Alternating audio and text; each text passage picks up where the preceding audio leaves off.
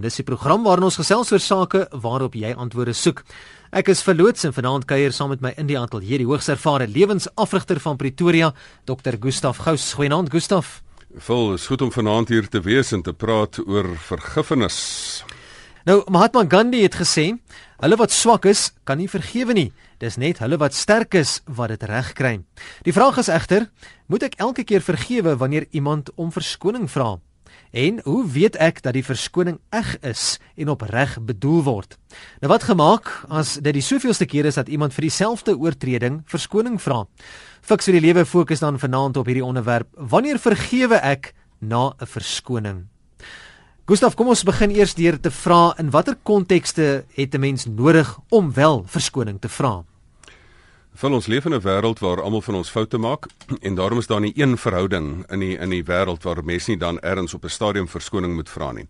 Of dit nou kinders teenoor ouers of selfs ouers teenoor kinders is of dit verhoudingsmaats teenoor mekaar is, um, of dit politici is, um, of dit so is of dit in die besigheidswêreld is. So daar is letterlik nie een verhouding wat um, van probleme en van verkeerd doen um, ontdaan is nie en daarom is verskonings dan ook nodig op elk van hierdie lewensterreine. Nou wanneer kan ons sê Gustaf is 'n verskoning regtig 'n verskoning? Vol, ek dink dit is nogal 'n baie interessante ding dat as jy as jy mooi na die hele kwessie van kom ons noem dit maar van die kuns van verskoning vra kyk, nog voor ons kom met die vraag van wanneer moet jy dit nou aanvaar?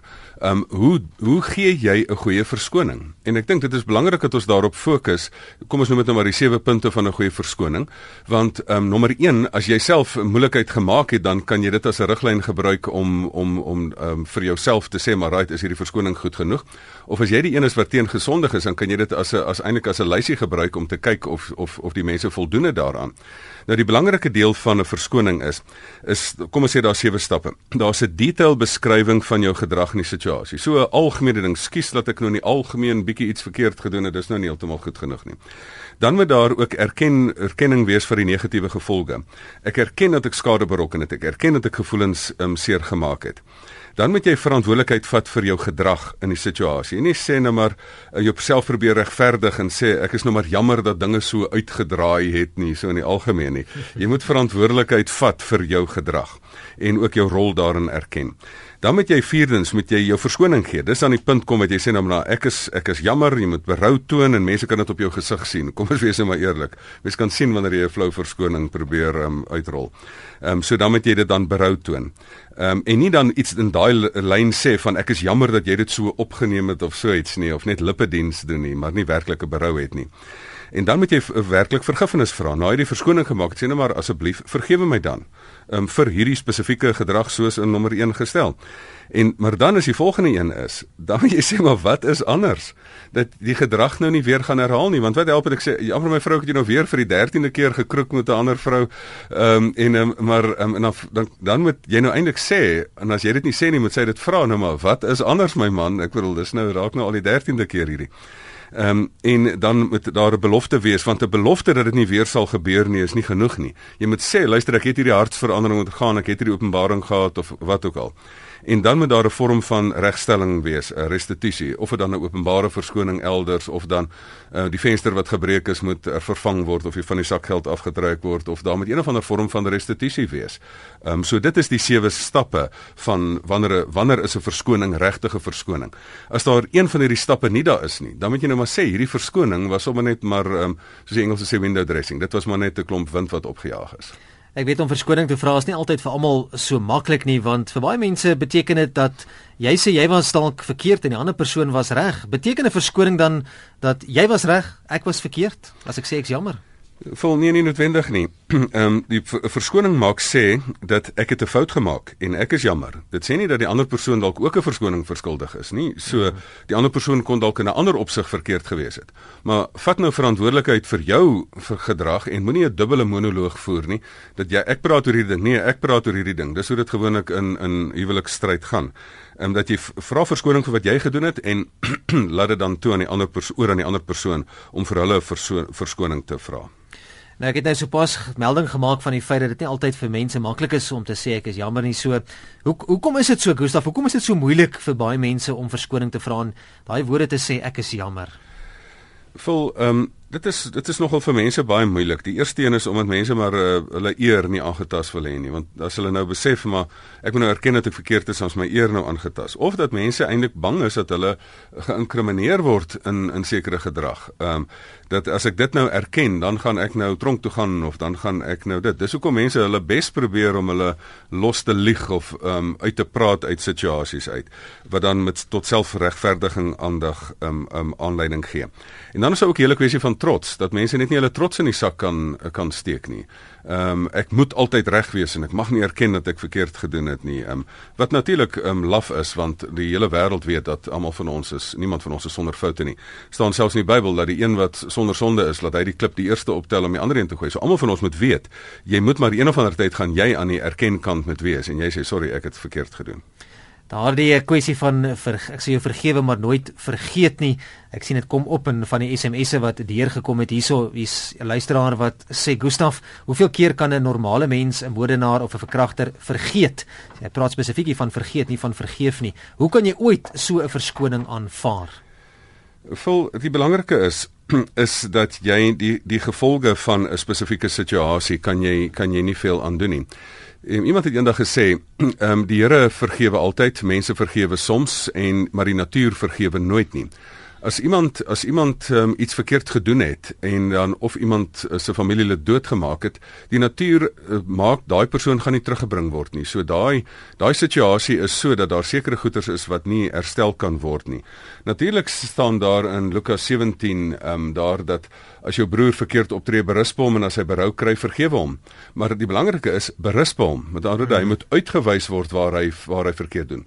Maar dan selfs as hy 7 maal 7 moet keer met jou om vergewe, staan daar dat jy moet vergewe. Maar nou die hele kwessie van vergeet daar was eendag iemand wat gesê het dit is nie as jy om jy met iemand natuurlik vergewe, maar jy moet jy moet eintlik sy gedrag sover soos die ooste verwyder is van die weste, moet jy sy gedrag as dit 'n egte egte vergifnis was, moet jy dit van die, van mekaar verwyder, maar jy moet nie die lesse wat jy daaruit geleer het vergeet nie. En dit is dit is een kwalifikasie wat ek daar in daar insit. Ehm um, so ek dink die hele kwessie van vergewe maar nie vergeet nie.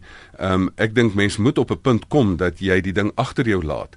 Maar dan moet jy besef dit moet 'n werklike proses gewees het. En as jy dan iemand vergewe, is dit nie te sê dat jy die persoon ontneem van die regsprosesse nie. As jy 'n moordenaar vergewe, ehm um, ek het vir meer van my kliënte in die hof saam met hulle gaan sit en hulle gesê, "Right, okay, jy het nou om jou eie hart skoon te maak, het jy die persoon vergewe. Maar jy gaan nie die saak teen hom terugtrek nie. Hierdie hmm. persoon gaan nog in die tronk sit. So hierdie persoon het krag krag te ontketen. Ehm um, vergifnis maak nie dat die regsproses teen 'n persoon gestaak word nie. So daai proses moet nog 100% sy loop neem. So ehm um, en ek dink dit is belangrik dat 'n mens kan sê maar right, vergifnis is eintlik om om seker te maak dat jou eie hart skoon is. Dis eintlik 'n ding wat jy meer doen amper ter wille van ehm um, dat dit dat die ding jouself nie permanent benadeel nie. Ehm um, as 'n mens nou op 'n baie praktiese manier daarna kyk. Jy luister na RSG die program Fix vir die lewe en ons praat vanaand oor wanneer vergewe ek na 'n verskoning.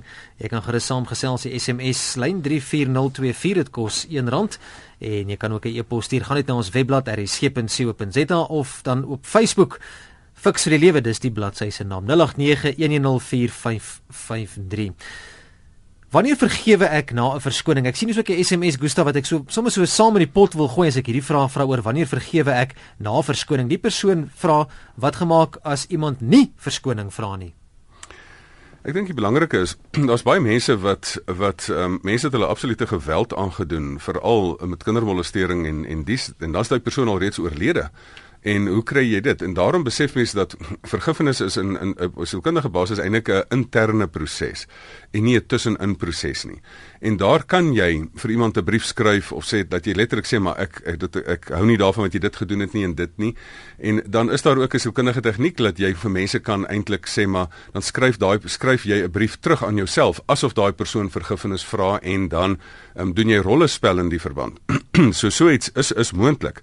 Ehm um, nou die lewe is makliker as jy 'n verskoning aanvaar wat jy nog nooit gekry het nie. Kom ons sê nou sê nou maar dit. Maar die vergifnis kan jy gee eintlik eers wanneer 'n persoon dit vir jou vra. Hmm. So eh, die persoon sê ek is jammer en jy kan eintlik werklik eers vergewe wanneer daar 'n opregte verskoning is wat aan al die sewe vereistes wat ek genoem het voldoen en dat daar gedragsverandering is.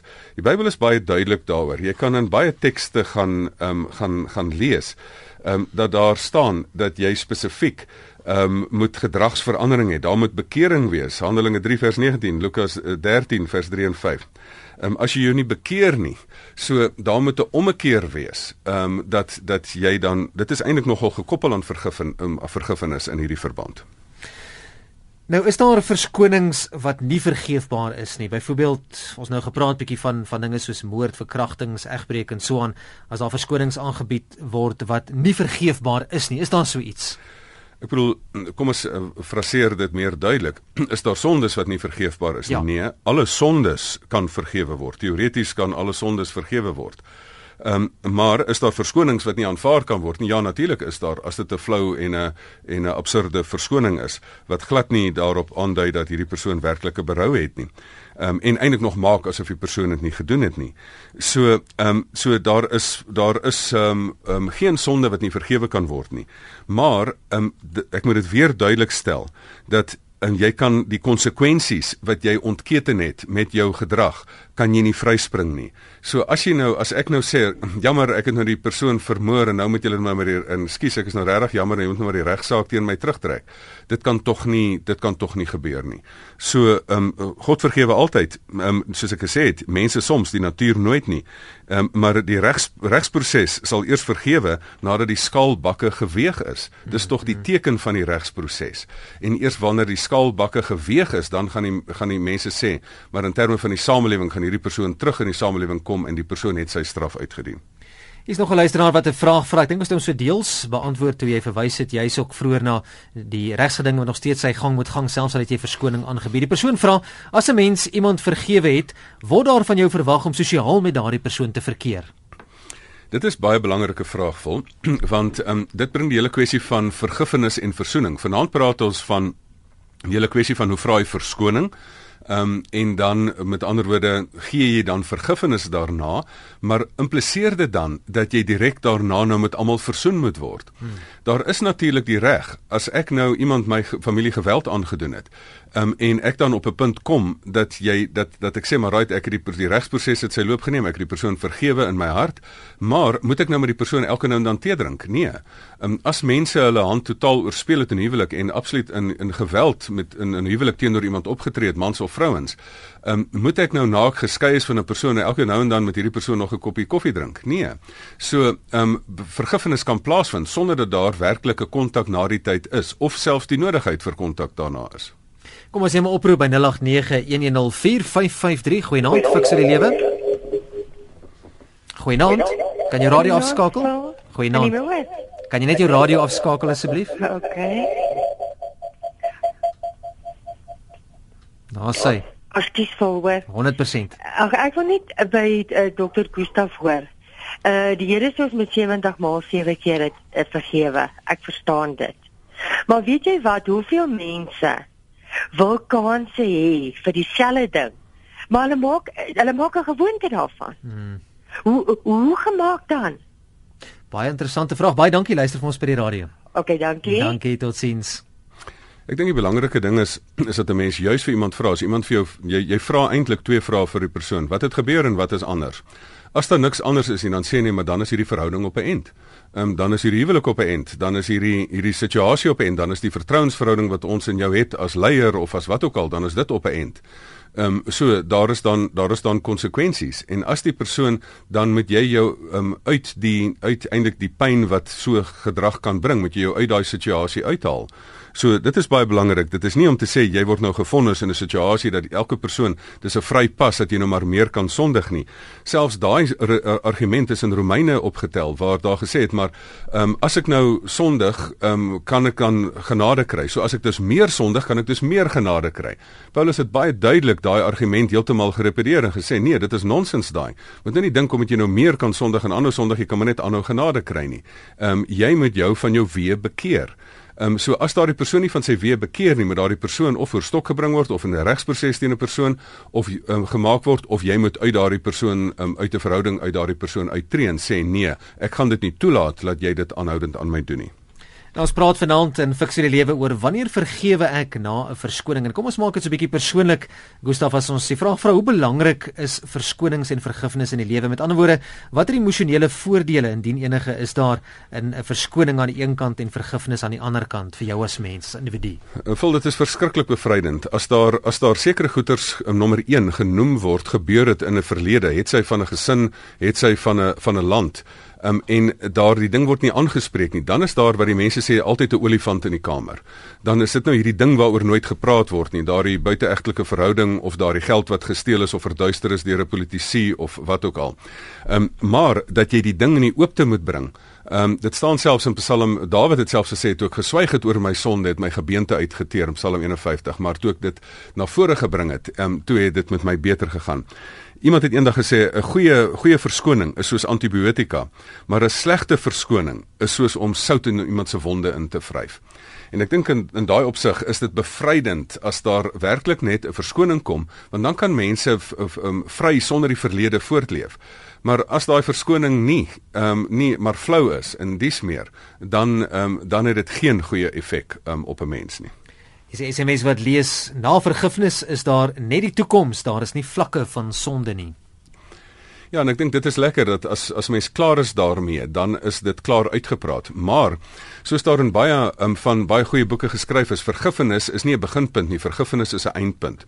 Vergifnis is nie om 'n om 'n vuil tafeldoek te gooi oor vuil skottelgoed wat nog nie gewas is nie.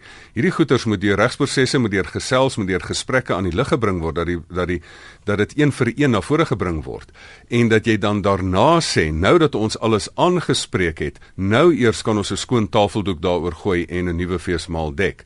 Maar as jy as jy die vergifnis as as die goeders nie die verskonings nie gevra word nie, dan verrot hierdie vuil borde onder die ander tafeldoek en trek aklige goggas. En dit gebeur in verhoudinge en dit gebeur ook in ons politiek soos ons nou onlangs gesien het met ook die verskonings wat nou op politieke vlak aangebied is. Nou ek weet baie mense sê ek gaan nie verskoning vra voor daardie persoon die eerste verskoning gevra het nie. Wie moet eerste om verskoning vra wanneer dinge verkeerd geloop het tussen mense, Gustaf? Ek voel dis baie eenvoudig. Dit is die persoon wat die sonde gedoen het moet eerste verskoning vra. So moet jy nie gaan sit en kyk of die ander persone doen nie. Kyk wat het jy verkeerd gedoen. Die hmm. probleem is net meeste mense probeer dit stilhou en dan eers wanneer daar op een of ander manier ehm um, dit nou nie meer ontken kan word nie. Ehm um, of dat die regsproses jou in 'n hoek dryf, dan sê die mense, "O, oh, skus, jammer, ek wou nog al die tyd eintlik om verskoning verskoning gevra het. En, en en dit is baie flou. Ehm um, so op die ou ende is die werklike eer lê daarin. As jy dit verkeerd gedoen het en jouself bring dit um, bring dit aan die lig en jy wag nie eers tot jy in 'n hoek gedruk word op watter wyse ook al nie. As jy graag wil skakel, die nommer in die ateljee is 089 1104553 dis 0891104553 SMS se welkom by 34024 onthou dit kos R1 as jy SMS stuur en as jy e-pos wil stuur gaan net na ons webblad rsg.co.za die fasiliteit is op ons webblad en so kan jy 'n e-pos aan die ateljee stuur. Ons gesels in die program Fix vir die lewe oor wanneer vergewe ek na 'n verskoning Dr Gustaf Gous saam met my in die ateljee 'n baie interessante SMS van anoniem hier ontvang wat verwys na 'n klein misverstand wat sê hoe maak 'n mens as jy vir iemand opreg om verskoning vra en die persoon wil dit nie aanvaar nie? Kyk dan dan is dit as jy werklik opreg was en jy het werklik aan al die vereistes voldoen, dan kan jy nou dan eers kan jy sê daardie persoon is onvergewingsgesind of haatdraand of dies meer. Maar as jy as jy dan met jy 100% eers kyk na daai sewe punte wat ek genoem het van 'n goeie verskoning wat ek nou ook op die Facebook bladsy in 'n blog gaan sit dat mense dit op skrif kan gaan um, gaan sien. Ehm um, dan moet jy eers gaan kyk, het ek regtig op die jy dink nou dit was nou baie eerlik, maar het jy nie maar jou skuldig gemaak aan al die aan al hierdie goeters wat jy jouself eintlik maar in die verskoning effens verontskuldig het um, in die hele proses nie. Ja Johan Blighnout sluit daarbey aan. Hy sê onvergewensgesindheid beteken jy vrede die gif en verwag ek moet daarvan vrek. Absoluut. Dis fiksie die lewe 100 tot 104 FM 22 minute na 7. Nou Gustaf, is 'n verskoning genoeg of moet iemand op 'n manier opmaak vir wat hy of sy verkeerd gedoen het of kan ek maar net sê ek is jammer?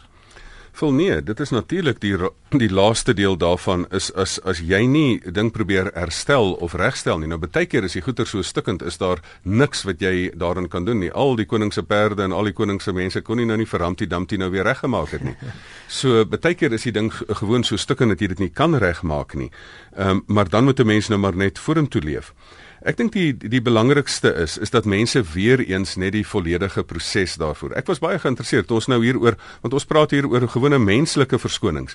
Maar in hierdie selfde week is nou hierdie die politieke verskonings wat plaasgevind het. Ek was eintlik verstom vir die kerk wat in die vergifnis besigheid is. Ek bedoel dis tog waar in die kerk is. Dit is tog dis tog die kerk wat sê maar ons wil ons is die eerstes wat wil vergewe. Toe die SA Raad van Kerke sê dat hulle nie die president se verskoning wil aanvaar nie en toe die toe die Anglikaanse aartsbiskop of die biskop van Suid-Afrika toe hy gesê het dat hy nie die verskoning wil aanvaar nie. Toe was ek nogal geïnteresseerd. En toe het ek nou 'n uiteindelike 'n uitdruk gaan maak van die president se toespraak en dit gaan vergelyk met die sewe stappe wat ek wat ek voorstel en ek dink die mense kan dit gaan gaan lees. Ek ek wil eintlik vir mense vra, gaan vergelyk dit met mekaar dat hulle self daarna kan kyk of dit aan die sewe stappe voldoen het soos wat ek in daardie blok genoem het. Ons sal 'n bietjie later weer daardie sewe stappe herhaal. Kom ons neem 'n oproep of 2 by 0891104553. Fiks vir die lewe goeienaand. Ehm um, hallo goeienaand Gustaf en uh, vol uh, ek het net 'n klein vraagie wat ek wil vra. As ons wil nie vergewe nie. Uh, teen wie sondige mens primêr teen God of teen die ou wat jy nie vergeef nie? Hm, baie dankie, interessante vraag, Gustaf. Ek dink eh, is dit nie dalk um, albei nie. Ek dink dit staan nogal baie duidelik daar in, in Kolossense 3 vers vers 13 en Efesiërs 4 vers 32 verdra mekaar en vergewe mekaar soos die hele die Here julle vergeef het. Ek bedoel dit is baie duidelik. So as jy as jy nie vergewensgesind is nie, dan gooi jy eintlik die Here se vergifnis vir jou terug in sy gesig. So in 'n mate is dit dan die oorwig meer na daardie kant toe. Maar jy benadeel uiteraard ook die persoon wat in alle eerlikheid na jou toe gekom het en dit um, op die regte manier gedoen het. Paar eposse wat ons ontvang het hier deur middel van RC se webblad. Die eerste een is van Annelies wat sê: "Die Here het jou lankal vergewe wat kort kom is om jouself te vergewe." Ja, dis 'n baie interessante een. Daar's baie mense wat ehm um, wat in vergifnis, dit dit is die een element van van uh, kan ander mense jou vergewe, maar daar's baie mense wat wat die las dra. Ek sien dit baie keer soos mense, jy sien baie keer langs die pad, um, iemand wat 'n rugsak dra wat dan uh, vra om opgelaai te word of van hierdie mense wat gaan brandhout vir uh, versamel het en dit op die kop draai. Daar was een storie van een wat opgelaai is deur 'n boer wat toe nou die persoon sê sit agter op die bakkie, ek vat jou, jy dra swaar aan hierdie brandhout. En toe hy nou terugkyk, toe sit die persoon nog steeds agter op die bakkie met die brandhout op die kop. Met ander woorde, um, jy het die genade gekry en die geleentheid gekry, maar jy dra nog self die las. Jy is eintlik van die las ontneem, maar maar jy wil dit nog self aan jou aan jouself dra. Ek wil dit eintlik verder vat vol. Daar's iemand ook gesê dis nie net dat mense nie hulle self wil vergewe nie. Iemand het ook eendag gesê mense vind dit makliker om ander te vergewe ehm um, wat ehm um, verkeerd gedoen het en hulle hulle vind dit moeiliker om ander mense te vergewe omdat hulle nie omdat hulle nie omdat hulle verkeerd was nie, maar omdat hulle reg was. Ek sien nogal baie keer is jy reg en dan wil mense jou nie vergewe omdat jy reg was nie. Nou Benjamin het ook 'n e-pos gestuur. Hy sê: "Is dit werklik vergifnis sou ek steeds herinner word in my gedagtes aan gedrag van die verlede, veral na aanleiding van die spreekwoord wat sê die gedrag van die toekoms word bepaal deur die gedrag van die verlede." Natuurlik is daar deel van en ek dink dis op 'n geestelike vlak is dat ehm um, dat die die die die negatiewe magte die duiwel wil jou eintlik net aanhou herinner aan jou sonde. Sê luister, jy het geen vergifnis gekry nie, ek wil jou aanhou herinner. En as jy jouself ook kapittel en jy herhaal dit net en sê kyk hoe simpel was ek net en so aan. Ehm um, dan dan leef jy nie vorentoe nie. So mens moet op 'n stadium daai ding sê en sê luister, ek het nou vir almal verskoning gevra, ek het dit op die regte manier gedoen. Ek het vir Here verskoning gevra en raai wat? As hulle my nou nie wil vergewe nie, dan is dit nou maar net hulle probleem. Ehm um, dan moet ek nou maar voortleef en ek moet myself ook vrylaat want wie is eintlik sonder sonde? Ehm um, maar daar's baie mense wat maak of hulle dit nie het nie en dit net probeer regverdig. Kan ek iemand Gustaf hier's 'n interessante vraag voorwaardelik vergewe? Met ander woorde, ek wil jou sien of jy opreg bedoel in jou handel en wandel voordat ek daai uh, polisie stempeltjie op die vergifnis gaan plaas. Met ander woorde, voorwaardelike vergifnis. Hmm voel ek dink nie daar's iets soos voorwaardelike vergifnis nie. Ehm um, wat wel waar is, is mense probeer te gou by vergifnis kom en omdat nie deur die proses gewerk het nie, dan is die ding nou nie klaar nie. Mm, mm. Ehm um, die vergifnis ehm um, wat jy gee as jy dit uiteindelik gee, is dit finaal, dis klaar en jy gaan jy gaan nie weer, dit is letterlik jy dit in die diepste see gegooi en jy sê daar word nie weer vis gevang hier nie. Maar die proses voor die tyd doen mense nie reg nie. En dit is waar mense baie keer ek dink um mense vir mense verkeerd raad gee. Vergifnis is 'n eindpunt, nie 'n beginpunt nie. Dit is die vuil skottelgoed moet gewas word. Die vuil skottelgoed moet op die tafel geplaas word. Die vuil skottelgoed moet erken word. Die olifant in die in die kamer moet aangespreek word. Um dan moet jy ook sê dat sê maar dit is wat verkeerd is. Moet iemand in die oë kyk, dan moet jy ook vir die persoon sê maar right, um, jy moet jou uh, jy moet jou bekeer van hierdie wee. So um, die vergifnis in in veral waar daar wat ek baie keer werk met met huweliksontrou, nie net um, ander dinge nie, is dat mense vir mekaar in die oë kyk en sê luister, wat het gebeur? Ek sê altyd vra twee vrae. Wat het gebeur? Nommer 2. Okay, dit was dit. Oef, het dit van die oomblik, sorry. Ehm um, die tweede een is ehm um, wat is anders? Want as jy nie sê maar as jy in elke vir die 10de keer nou sê oeps dit was maar 'n glipsie geweest dan sê nee nee nee nou is hier 'n patroon. Hier is nou 'n baie slegte patroon. Hierdie goed is nie anders nie.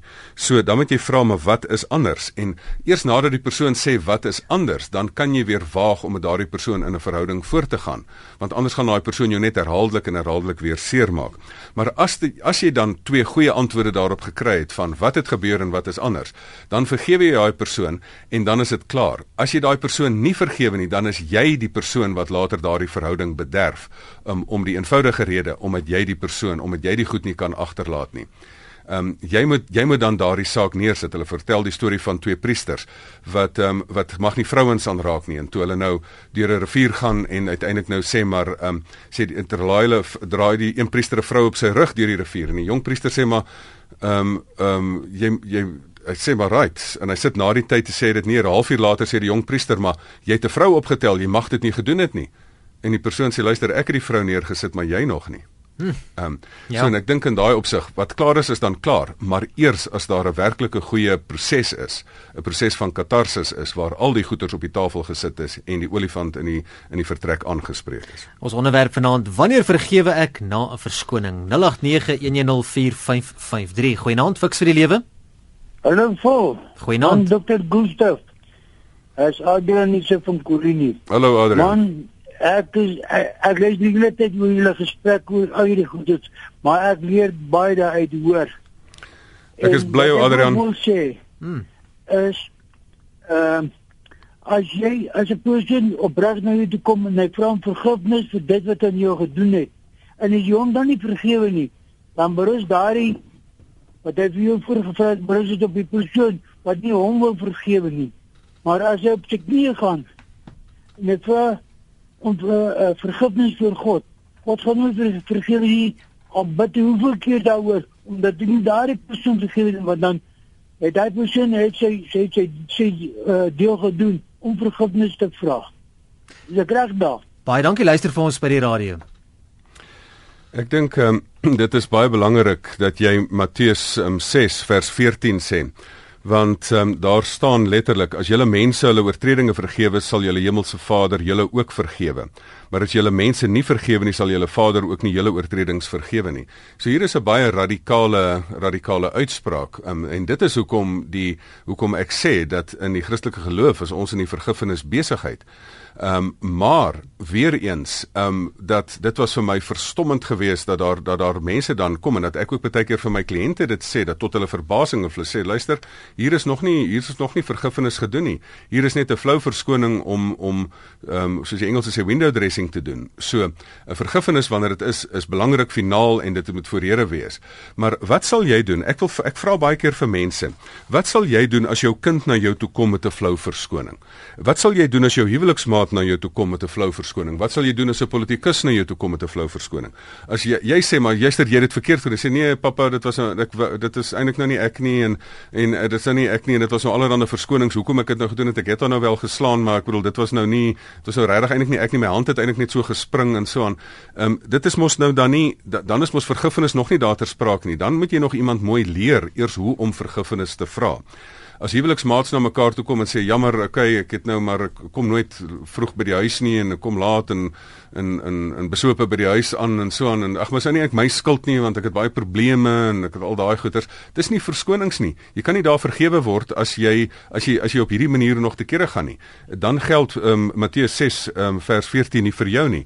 So ek dink die belangrikste daar is uh, dat daar moet werklike verskonings wees, werklike gedragsverandering wees, dan kan daar werklike vergifnis wees en dan kan die proses later kom dat daar selfs versoening later kan wees, maar dan moet ook 'n werklike restituisie wees dat die foute wat gemaak is moet ook herstel word en die en die skuld wat jy regstegnies op jou gelaai het moet jy dan ook die gevolge finansiëel en regstegnies in onder die land se wette moet jy dan ook maar aan voldoen dan Voordat ons so stadig maar seker die program begin saamvat kom ons neem nog so laaste oproep of twee goeienaand fiks vir die lewe Goeienaand. Ja, gesels gerus, ons hoor vir jou. Dis Johannes se man. Ek wil net sê die woord vergifnis, né? Nee? As jy hom opbreek in 3 lettergrepe, vergifnis. As jy die gif uithaal daarso, dan bly daar net vernis oor. En as jy iets vernis, dan maak dit iets nuut wat oud is. Dis al wat ek wil sê. Dankie. Baie dankie. Dis 'n lekker mooi woordspeling daarin. nou, Gustaf, moet ek alles bely as ek verkeerd gedoen het of kan ek dalk net, jy weet, sekere van die goeders bely wat die persoon dalk nie dalk nie weet nie. Jy weet, dit kan dalk net meer skade aanrig as ek met die volle patats, jy weet, al die patats daar in die sak uitpak. Wel dis 'n baie interessante een daai. Ek het ehm um, en, en hier is ons nou in die harde praktyk van van 'n uh, spreekkamer. Jy moet goeie spesifiek by die naam noem. Jy moet sê luister, ek het wat ek ook al gedoen het, dit was of 'n seksuele sonde of ek het my hand in die in die in die geldlaai gehad of ek het geld gesteel of ek het geld of wat ook al wat jy ook al gedoen het. Jy moet dit by die naam noem. Maar vergifnis is ook nou nie daar om nou die hele ding nou weer te gaan staan en beleef nie. Jy luister, ek het nou soveel keer in onder daai boom en onder dit het ek met hierdie persone seksuele verhouding gehad of so jy, jy hoef nou nie in die detail nou van die ding in te gaan nie. Ehm um, hoekom moet ou dit nou doen? Daar moet wees, luister, dit is dit. Dit het soveel keer gebeur. Dit is die tipe van ding wat gebeur het en kom ons sit dit op die tafel en dis klaar.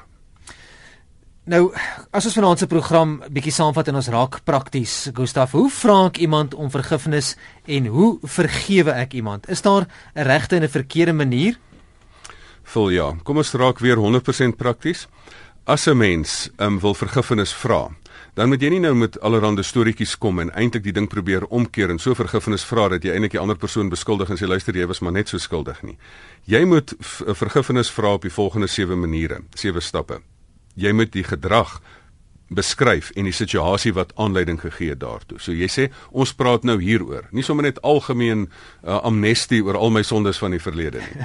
Ehm um, dan nommer 2, jy moet die negatiewe nagevolge wat dit gehad het op jouself, op die samelewing, op jou familie moet jy erken en jy moet besef dat jy skade berokken het dan moet jy verantwoordelikheid vat vir die gedrag en sê luister dit was ek gewees.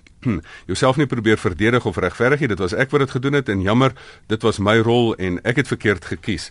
Ehm um, daar staan ook letterlik in Jeremia 6 vers vers 16 en dat daar staan maar jy kom by 'n kruispunt en jy het links of regs. Jy het gekies links of regs. Dit is wat mens gekies het. So dit is die Ekskuus tog, dit is die spesifieke ding wat jy dan moet doen.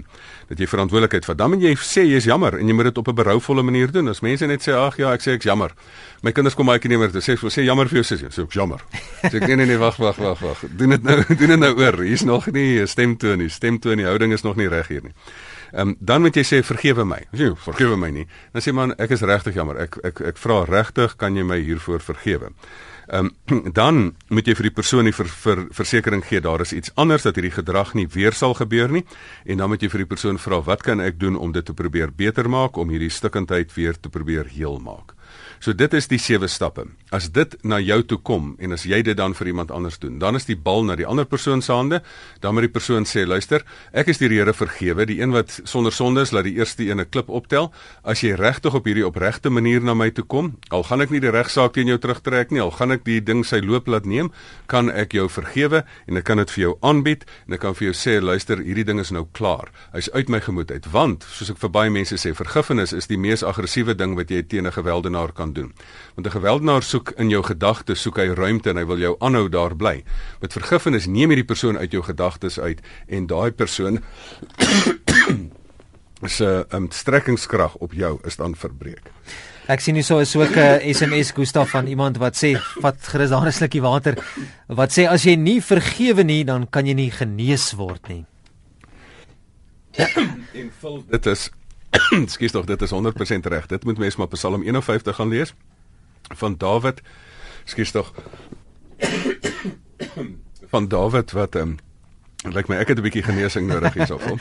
bietjie water, wonderwater kies dan. ja. Soos wat hulle mos met die rugby wedstryde maak, daai wonderwater, dan staan daai ouens op nadat hulle vreeslik hard geduik is. En ek dink dit as jy swyg oor jou sonde. Nou so baie mense wat later aan die einde van hulle lewe kom en sê luister ek het so baie goeters onder die laken probeer hou Maar as vir my eie siel, maar vir my eie menswees is dit goed dat ek daar praat, dat ek dit uitpraat, dat ek die mense rondom die tafel kry, dit klaar afhandel en van daar af is ek 'n gesonder mens. Nou daarmee dan kom ons ook aan die einde van vanaand se program Fix die lewe. Ons gaan uh, gou ons kontakinligting ook vir jou gee. Gustaf gaan nog as hy kan so laaste woordjie inkry daar. My e-posadres vul by rsg.co.za. Baie dankie ook vir almal wat deelgeneem het aan die program. Gustaf, 'n laaste woord dan ook jou kontakinligting as jy kan. Vul ek wil net weer die aanhaling herhaal. 'n Goeie verskoning is soos antibiotika, dit maak goeters heel. 'n Slegte verskoning is om sout in mense se wonde in te vryf. Moenie mense probeer bluf met 'n flou verskoning nie. Die mense gaan dit nie aanvaar nie. Ehm mm, um, moenie dink, moenie nou die op die Here se op mense se emosie probeer speel. Sê luister, ek het nou probeer verskoning vra. Jy moet my vergewe, dan as jy nou 'n slegte Christen nie. 'n Slegte 'n goeie Christen is 'n wyse Christen wat baie mooi luister oor wat iemand sê. As jy na die Here toe kom, jy moenie met die Here speel. Sê Here, ek het nou ek het nou hierdie sonde gedoen. Maar Here, ekskuus, dit was nou eintlik nie ek nie, maar eintlik was dit nou maar dit en dit. Dan gaan die Here vir jou so kyk en sê luister ou maat, wil jy nie maar net weer probeer nie? Kom kom vat weer die angle van voor af. En ek dink in daai opsig moet ons ordentlik verskoning vra en dan vergifnis gee. Dan laastens uh, Gustaf net jou uh, kontakinligting as van ons luisteraars met jou wil kontak maak, e-posadres gustaf@gustafgous.co.za en natuurlik ook op die Facebook bladsy Fix um, vir die lewe kan hulle weer ingaan, maar kontak my gerus, dit sal lekker wees om jou verder te gesels.